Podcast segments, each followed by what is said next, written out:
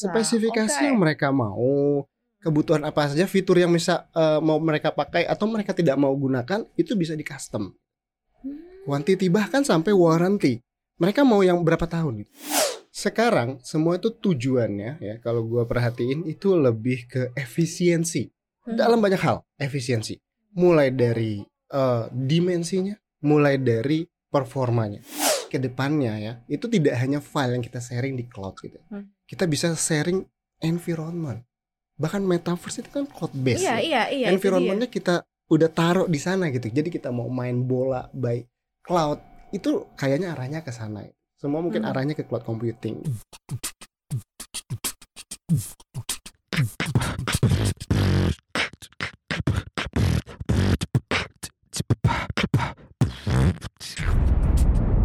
Cuap-cuap cuan. Hai Sobat Cuan, selamat datang di podcast Cuap Cuap Cuan. Dan hari ini spesial sekali karena podcast kita dipersembahkan oleh Asus Business. Terima kasih Asus Business yang udah support podcast kita kali ini. Beberapa episode bersama dengan Asus Business dan kali ini kita akan ngobrolin soal teknologi ya. Sobat Cuan, siapa yang selalu update soal masalah teknologi, nggak mau ketinggalan?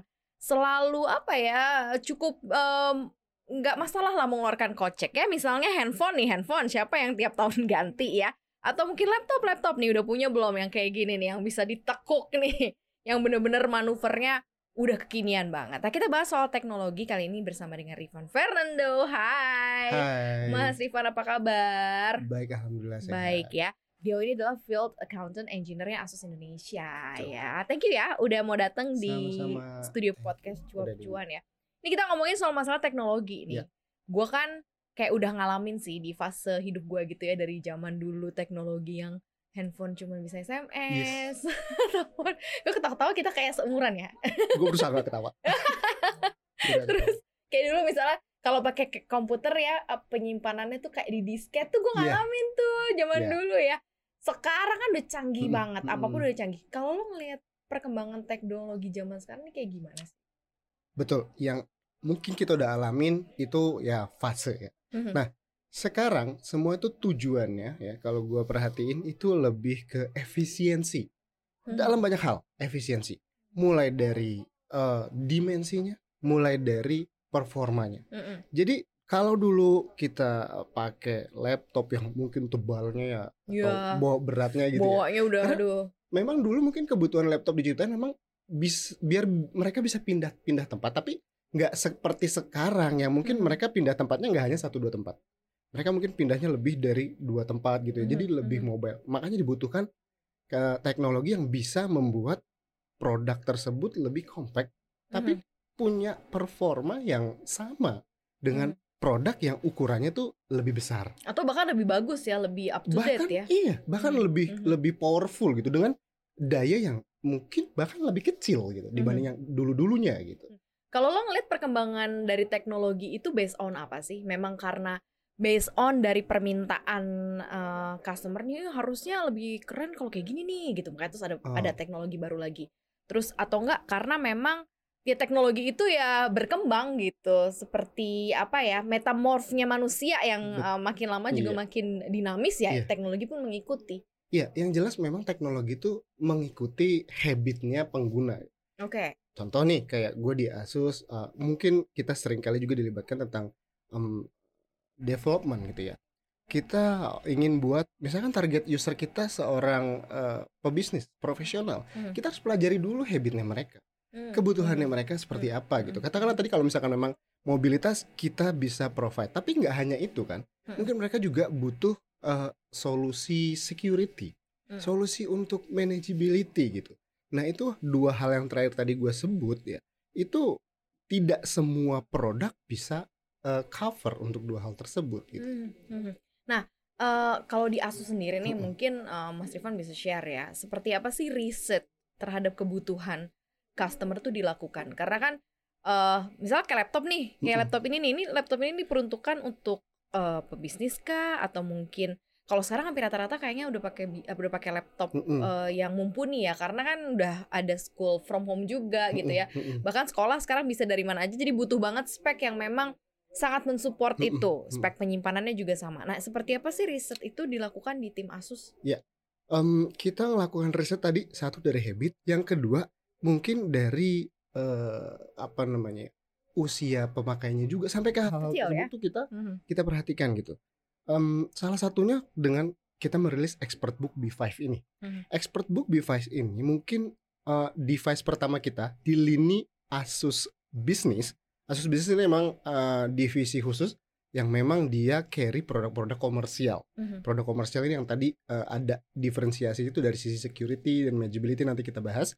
Nah, si em, Expert Book B5 ini mungkin yang pertama kali menawarkan form factor comfortable Oke. mungkin uh, pernah melihat produk-produk yang dipakai oleh para profesional mostly uh, kaku desainnya yang uh, mungkin secara tampilan bukan Kayak yang bapak-bapak banget sih biasanya Iya. gitu kan. itu yang salah satu yang tadi saya Heeh. bilang usia juga masuk dalam kategori heeh, riset heeh. kita sekarang yang kerja di perkantoran kita nggak bisa uh, buang usia-usia muda itu orang anak milenial Hmm. itu mereka butuh user experience yang lebih lebar, lebih luas gitu, lebih variatif gitu. Hmm.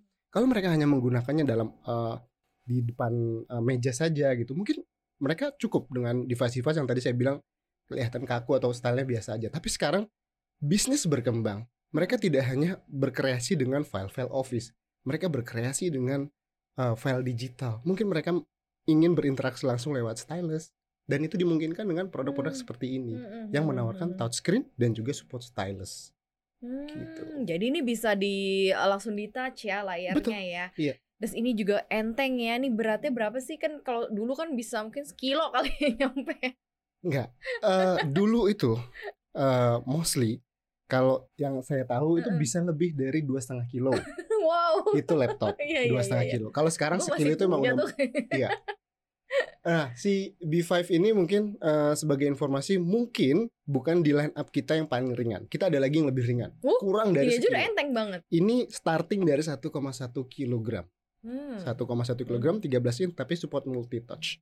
Mhm. gitu ya. Mungkin beberapa teman-teman di uh, sobat cuan juga di rumah juga tahu kalau convertible itu mostly lebih berat Hmm. ya. Nah, ini kita coba bagaimana kita tawarkan user experience di convertible tapi tetap ringan, baterainya tahan lama, storage-nya juga bisa besar kapasitasnya. Berarti ada eh, komponen-komponen yang eh, secara dominan pasti jauh lebih price pricely ya, maksudnya lebih mahal nggak sih sehingga, sehingga mensupport eh, varian yang seperti ini nih. Komponen lebih mahal pasti uh, kalau dari sisi hardware-nya tentu kayak layar yang biasa Dengan layar yang mungkin mendukung layar sentuh itu pasti ada perbedaan uh, harga ya. Pasti lebih mahal yang layar sentuh. Tapi tidak selalu itu gitu yang jadi komponen paling mahal. Di beberapa produk kita karena tadi saya bilang di Asus ada dua, ada yang consumer, ada yang komersial. Komersial ini punya uh, lini produk khusus untuk kebutuhan khusus gitu. Hmm. Kebutuhan khusus yang tadi saya bilang ada security. Mereka butuh security. Teman-teman sobat cuan di rumah mungkin tahu kalau biasa atau sudah bekerja sekarang. Di eh, perusahaan yang baru atau per- enterprise yang besar gitu ya. Hmm. Biasanya device tersebut harus bisa dikontrol, Hmm. harus bisa di manage ya. Mhm. Karena namanya ancaman ya, eh, namanya peretasan data Ya, itu ya. bisa datang dari mana aja. Ya. Tanpa device tersebut punya security yang bagus, bisa di manage oleh expert dalam arti mereka punya tim IT yang handal gitu Mhm. ya. Rentan banget device tersebut itu di diretas gitu, dihack gitu ya. Mhm. Makanya device untuk komersial seperti contohnya Expert Book B5 ini ini punya fitur security dan manageability yang jauh lebih tinggi dibanding produk-produk lini untuk end user. Oh, oke. Nah, di kelasnya mungkin ada beberapa banyak saingan-saingan ya yang Ya. juga bersaing ya. Ya. Nah, ini seperti apa sih Asus kemudian melihat uh, persaingan di teknologi, Mhm. khususnya mungkin di laptop gitu ya, atau Ya. mungkin di beberapa teknologi lainnya supaya juga tetap menjadi pilihan nih. Berarti kan harus harus unggul kan. Misalnya, oh gue pengen ringan Asus ada Ya. gitu ya. Gue mau security Asus punya Ya. gitu kan. Apalagi kan uh, customer yang beli pasti dia akan punya uh, wishlist check gitu ya, di mana gue mengharapkan punya laptop yang begini-begini karena gue berharap laptop gue nggak cuma setahun dua tahun. Gue pengen laptop yang lifetime juga Nah, nih yang cukup nah, panjang dipakainya. Nah, bicara tentang uh, usia kepemilikan. Hmm. Usia kepemilikannya juga berbeda. Tentu perusahaan yang beli dengan perorangan yang beli pertimbangannya beda. Benar. Perusahaan yang beli pasti maunya gimana caranya device ini awet seawet awetnya Yes, kan. Nah, iya. Itu juga didukung oleh eh, konstruksi yang ditawarkan oleh device-device dari Asus, terutama Mhm. ExpertBook ya. Kita punya device ini semuanya udah Mhm. standar military grade. Hmm. It mean dia punya durabilitas yang jauh di atas rata-rata. Hmm. Karena kita tahu pengguna itu tidak hanya bekerja di kantor, mereka kerja Hmm. di rumah di mana pun gitu. Iya, sekarang kan WFA ya.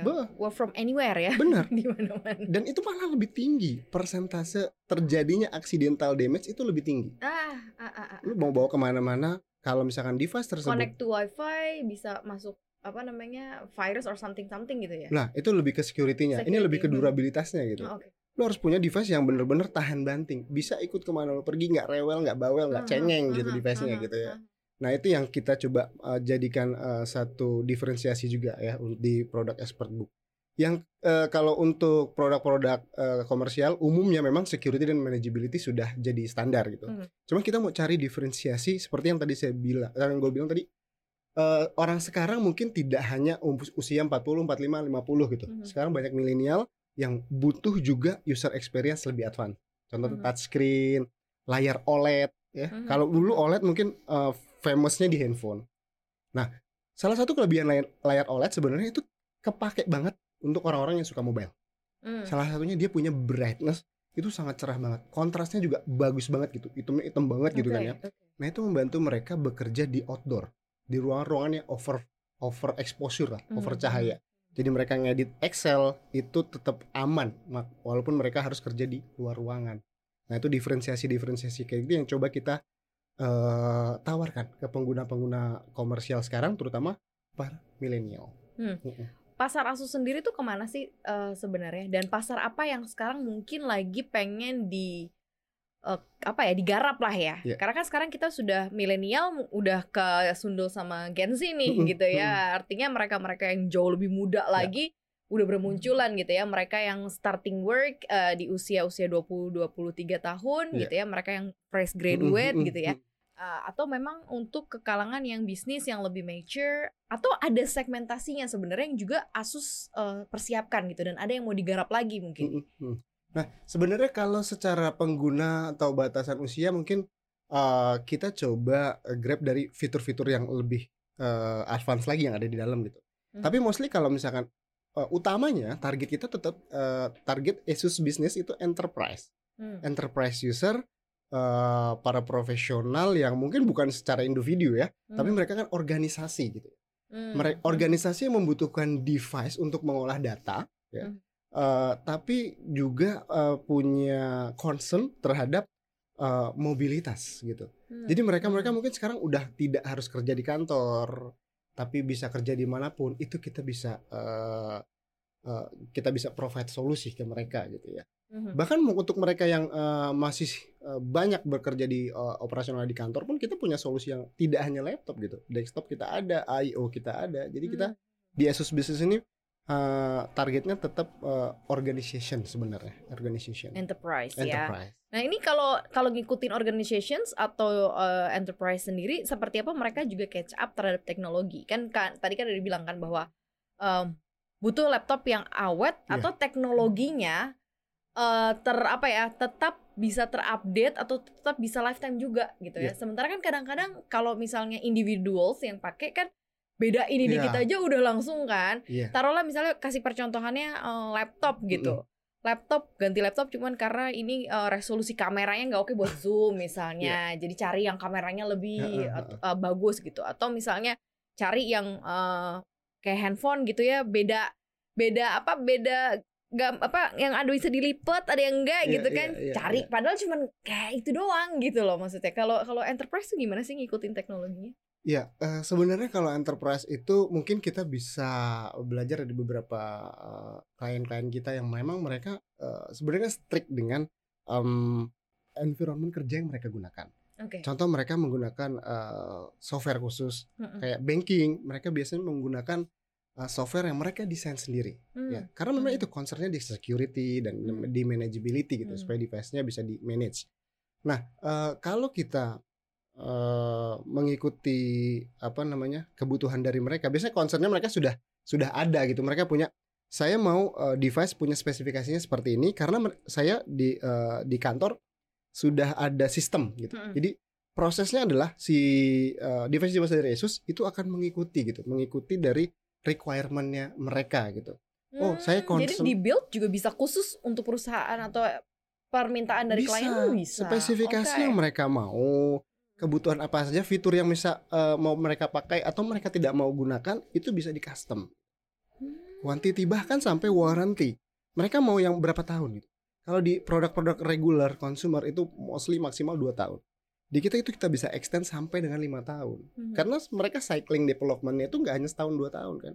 Mm-mm. Mereka punya software mungkin mereka berlangganan itu udah per lima tahun. Makanya kita Mhm. sesuaikan dengan uh, usia dari platform yang mereka gunakan dan mereka butuh seperti apa. Kita coba provide sesuai dengan kebutuhan mereka sehingga lebih efisien dalam hal finansial Mhm. mereka juga. gitu. Berarti itu sebagai salah satu uh, cara Asus juga ya untuk uh, tetap menjaga apa ya trusty juga, terus menjaga kerjasama keberlangsungan kerjasama Iya. ya. Ada nggak misalnya update juga yang dikasih sama Asus gitu ya ke enterprise mungkin kalau misal sobat cuan nih yang mau oh gue baru pengen build up Hah. kantor nih gue butuh nih ya Iya. nih denger kita nih saat ini. Nah seperti apa Asus kemudian misalnya oh ini uh, Mas Irfan gue Hmm. udah beli uh, perangkat laptop lo 10 tahun lalu nih. Mm-mm, Nah, mm-mm. sekarang gue punya ini teknologi Ya. bla bla bla bla. Nah, ini Ya. gimana nih caranya? Makanya kadang uh, mungkin Asus juga bukan pemain yang cukup bisa dibilang senior lah di Mm-mm. komersial gitu. Mungkin ada beberapa brand lain yang sudah cukup senior. Tapi ya kita selalu punya komitmen itu tak kenal maka tak sayang gitu ya. Mhm. Buat teman-teman sobat cuan di sini mungkin uh, ingin mewakili perusahaannya gitu. Ah, pengen dong uh, cobain device-device Asus bisnis gitu. Bisa kontak ke kita. Nanti kita tuh selalu ada yang namanya demo unit yang siap mereka bisa uh, skenarioin Mhm, di platform mereka gitu ya. Mhm.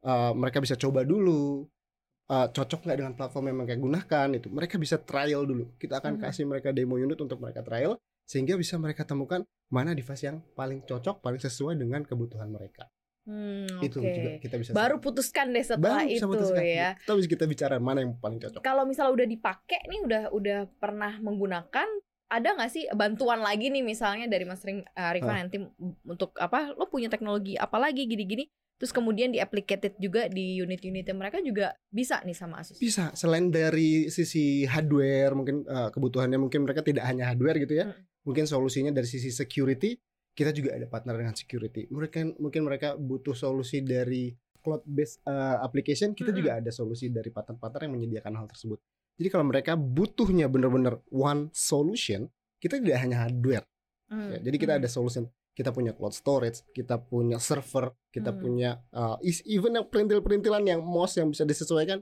kita ada gitu. jadi kita Hmm, tidak hanya sebagai hmm, device seller sebenarnya Asus bisnis kita jual tuh solusi Wow, ini Solusi. nih. Ini yang solusi yang dijual. Jadi ya memang Yes. apa yang lu butuhin ya gua ada lu mah gak ada lah ya. Lu butuh lu mau apa gua ada. gitu ya. Tapi kalau kita bicara dan ngobrol sama orang teknologi, biasanya kan selain kita sudah meninggalkan yang lama gitu kan, biasanya mereka juga sudah one step ahead ya atau mungkin 10 step ya, udah Hmm. 10 langkah ke depan udah mau udah tahu nih Heeh. bahwa tahun depan tuh bakal gimana, Iya. lima tahun lagi bakal kayak gimana gitu ya. Kalau dari lu sendiri ngelihat akan seperti apa sih nih teknologi? Jangankan tahun depan deh, ya mungkin 10 tahun ke depan nanti Iya. mungkin yang dibuka cuman trut gitu kayak di film-film ya kan ada cahayanya doang gitu. kalau mungkin itu terlalu uh, mungkin Terlalu masih film lebih banget, dari lebih dari lima tahun ya tapi kalau yang gue perhatiin dan mungkin juga udah bisa kita lihat tanda-tandanya Mhm. uh, arahnya itu nanti bakal ke cloud computing Oke. arahnya ke cloud Kayak computing gimana tuh nanti? Jadi semua orang mungkin uh, bekerja itu tidak hanya individual gitu ya. Mungkin sekarang kita mulai dengan keluarga. Hmm. Mungkin ayah, ibu, adik, kakak mereka uh, punya satu storage khusus di cloud. Uh, naruh data di sana, Hmm. mereka bisa olah data tersebut secara bersama Hmm. gitu ya. Tidak harus menggunakan flash disk, tuker-tuker colok sana sini. Yang itu bahkan mena- masih gitu loh. i- Itu udah old style banget ya. old school Oh banget. my god, Maria. Ah, Ya. sekarang tuh udah gak kayak gitu ya. Udah, ya sekarang di device aja uh, kita bisa akses multi platform kan ya. Mhm. itu keunggulannya gitu. File yang kita taruh di cloud kita bisa akses multi platform mau Oke, di oke. Android base, PC base, Windows base itu bisa. Eh, nah itu awalnya dari sharing eh, file, data file. Tapi ke depannya ya itu tidak hanya file yang kita sharing di cloud gitu. Hmm. Kita bisa sharing environment. bahkan metaverse itu kan cloud based Iya, ya. iya, iya. environmentnya kita udah taruh di sana gitu jadi kita mau main bola by cloud itu kayaknya arahnya ke sana semua mungkin Hmm. arahnya ke cloud computing gitu dari sisi eh, apa yang kita apa dari Asus sendiri juga kita udah menyiapkan eh, berbagai solusi untuk cloud computing itu gitu Hmm, apa yang udah mulai Asus eh, mulai riset atau mungkin sudah jalan duluan nih Mhm. untuk nanti menjawab tadi tuh tantangan ke depan yang seperti itu. yang jelas itu butuh eh, satu data center ya, data Hmm. center di mana itu diletakkan diinstal nanti semua orang akan masuk ke situ kita juga punya solusi yang tidak hanya dari sisi endpoint atau user seperti expert book ini kita Hmm. punya solusi server punya solusi eh, cloud storage yang sedang kita kembangkan juga untuk memfasilitasi perkembangan yang ke arah sana gitu semua orang nanti akan pindahkan kehidupan nyata dia mungkin kehidupan maya ya itu possible yang yang gue lihat gitu yang Juga gue ya. lihat sekarang gitu kalau misalnya ini personal uh, opinion gitu tapi eh, kayaknya ini tanda-tandanya juga sudah sudah mulai ada mereka pasti udah denger lah Ya, uh, si Jadi ntar ada Bill- store-nya, ada store-nya Asus di Metaverse ya. Eh, mungkin aja ya. itu nanti bisa ke kita punya person lah nanti Iya, bisa iya, tanya-tanya iya, iya. Tapi memang arahnya ke situ dan kita juga tidak mau ketinggalan kita juga sudah siapkan hal, -hal tersebut mulai dari eh, ya device end usernya mereka kebutuhannya seperti apa dari mereka bisa join gitu ya dari mereka bisa join hingga ke eh, environmentnya itu juga Nah, sharing environment itu menarik sih. Tapi eh, orang biasanya nggak kecap teknologi karena nggak user friendly atau susah nggak mau belajar atau ribet Iya. gitu ya. Nah ini seperti apa nanti eh, ke depan gitu ya untuk memper- mempermudah orang eh apa belajar ya Mm-mm. dan mau belajar ya Iya. karena kan teknologi tuh kayaknya lo punya handphone cuman buat apa buat cuman whatsappan Iya, doang iya. kayaknya padahal handphone lo bisa buat macam-macam itu kayaknya ini banget ya apalagi punya laptop canggih kayak gini cuma dipakai buat ketik Word. doang Word, kirim email kayaknya udah ah, gini ya supaya teknologi yang dimiliki bisa maksimal gitu ya dan eh, bisa apa ya bisa cukup panjang juga maksimal deh yang penting ya udah punya laptop canggih Mm-mm. Bukan cuman punya aja tapi bisa dimaksimalkan gitu nah Iya. kemudahan dalam penggunaan atau user User, friendly uh, uh. gimana tuh Eh, pasti pasti sel- selalu ada eh, salah dalam mencoba sesuatu yang baru lah ya. Mm-mm. Mungkin orang ganti device pun hmm, dia udah terbiasa dengan device yang lama terus pakai device yang baru baru pasti eh, butuh penyesuaian gitu. Nah, eh, tinggal bagaimana si eh, usernya tersebut ya, mulai dari niatnya dulu kalau misalnya emang dia pengen ikut da- lebih advance dalam eh, mungkin kita ngomong tentang teknologi environment ini ya dia memang harus eh, eh, beradaptasi gitu. Tapi ya device-nya juga harus harus support juga gitu ya. Hmm. nah kalau dari si device-nya sendiri ya kalau dari sisi kita manufacture eh, biasanya kita build device itu ya berdasarkan ya tadi habit itu juga gitu ya. Begitu habitnya sudah ada kebutuhannya sudah ada ya kita akan build eh, yang sesuai dengan kebutuhan si usernya tapi balik lagi si user tersebut mungkin perlu yang namanya adaptasi Nah, adaptasi ini ba- banyak hal yang uh, yang bisa kita lakukan mulai dari uh, dari sisi Asus sendiri itu selalu ada yang namanya momen-momen uh, training, webinar, mungkin lewat distributor, Mhm. lewat partner, bahkan nanti Mhm. partner yang akan ke user gitu. Mereka Mhm. akan uh, kita perkenalkan dengan fitur-fitur gitu ya. Uh, bahkan ke end user, uh, mungkin ke dinas pendidikan tertentu, uh, ke dinas-dinas tertentu gitu ya. Itu selalu ada waktu untuk kita lakukan edukasi. Uh, Pak, sekarang sudah sampai sini loh device-nya. Jadi kalau misalnya Hmm. Bapak sedang mencari solusi untuk device education misalkan, Ya. ini sekarang teknologi pendidikannya udah sampai sini loh, Pak. Hmm. Udah ada fitur-fitur baru loh, Pak. Mungkin kalau misalkan uh, video conference itu kita di device-device Asus tuh juga sudah sudah all in one loh, Pak. Jadi sudah nggak perlu lagi perlu headset yang anti, uh, active noise cancelling, sudah tidak perlu lagi mic-mic khusus karena di device-nya sudah tersedia gitu. Jadi kita uh, kita juga uh, berikan contoh, berikan simulasi bagaimana mereka menggunakan uh, device-nya tersebut gitu. Ya. Edukasi juga kita uh, siap lah ya misalkan ada uh, sobat cuan di sini yang mungkin uh, minta kita assist gitu untuk Mhm, uh, mhm. fitur-fitur yang tersedia di sini kita juga siap untuk uh, melakukan uh, assessment lah. Perkembangan teknologi di Asus sendiri itu terjadinya berapa lama sih berapa lama sekali gitu artinya tiap tahun kah selalu ada yang baru eh, melaunching yang baru gitu ya atau eh, soalnya kan ada mungkin beberapa produk yang dia adalah berseri-seri gitu ya Iya. ini ini Iya, apa iya, yang iya. ke satu dua tiga empat lima ah, ah, enam ah. tujuh gitu ya yang bedanya Mm-mm. cuman tipis-tipis Iya, iya, tipis-tipis iya. gitu ya bedanya cuma dikit-dikit nah eh, itu memang sengaja untuk supaya orang keep update atau tetap eh, untuk spending Iya. juga mungkin ya nah kalau dari Asus sendiri tuh seperti apa sih eh, updating teknologi apakah memang eh, itu diluncurkan setiap eh, tahun, Tahun. atau sebenarnya updating teknologi bisa dilakukan di eh, unit yang sama gitu ya tanpa harus mengganti Iya. unit hanya jeroannya aja kali Ah, ya update bahasanya OS gitu-gitu Uh-uh. kalau kayak di smartphone ya. gitu-gitu ha-ha. Ah, eh, sebenarnya pendekatan kayak update tiap tahun itu mungkin lebih ke produk-produk di consumer kita, Mhm. mungkin kayak Asus ROG, VivoBook, ZenBook Ya, yang, ya, yang, ya, eh, ya, consumer ya. Eh, karena demand orang tiap tahun mungkin berbeda dan mungkin kebutuhannya juga bisa di catch up lah karena consumer itu karena dia jualnya ke end user ya dia harus mengetahui, dia harus pahami eh, yang end user mau seperti apa. Kalau di Mhm. Asus Business, contohnya expert book yang eh, kita pajang di sini kan ini eh, lini produknya Asus Business ya. Mm-mm. Mungkin secara frekuensional setiap tahun secara desain barebone-nya Mhm. mungkin belum tentu berganti.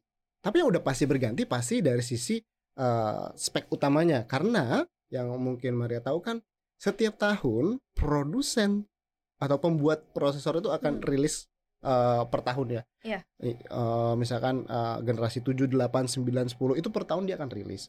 Jadi untuk menyesuaikan maksudnya untuk eh, tetap ada production ya.